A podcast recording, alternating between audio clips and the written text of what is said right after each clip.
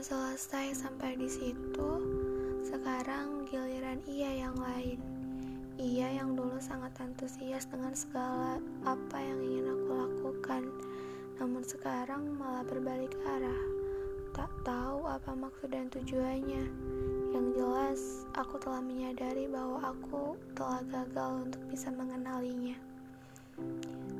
Dulu, kamu begitu mudah memasuki ruang rasa yang aku.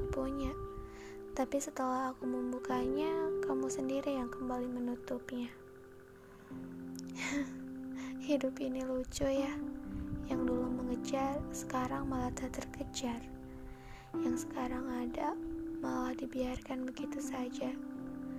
Sungguh, jika aku bisa meminta satu hal lagi pada Tuhan, aku akan meminta Ia menutup rapat perasaanku, baik dulu atau saat ini karena membiarkan rasa ini mudah disinggahi hanya akan membuat banyak luka yang tak akan terobati.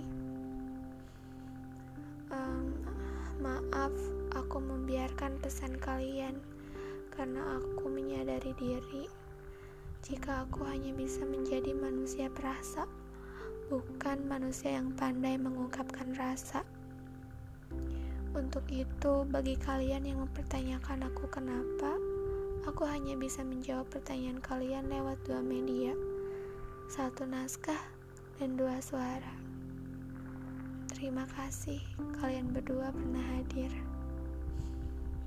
Oh ya, karena aku berhasil menjawab setiap tantangan semesta, maka hari ini pula ia memberikan aku sebuah penghargaan dengan cara meyakinkan bahwa aku bisa menyelesaikan sebuah tulisan.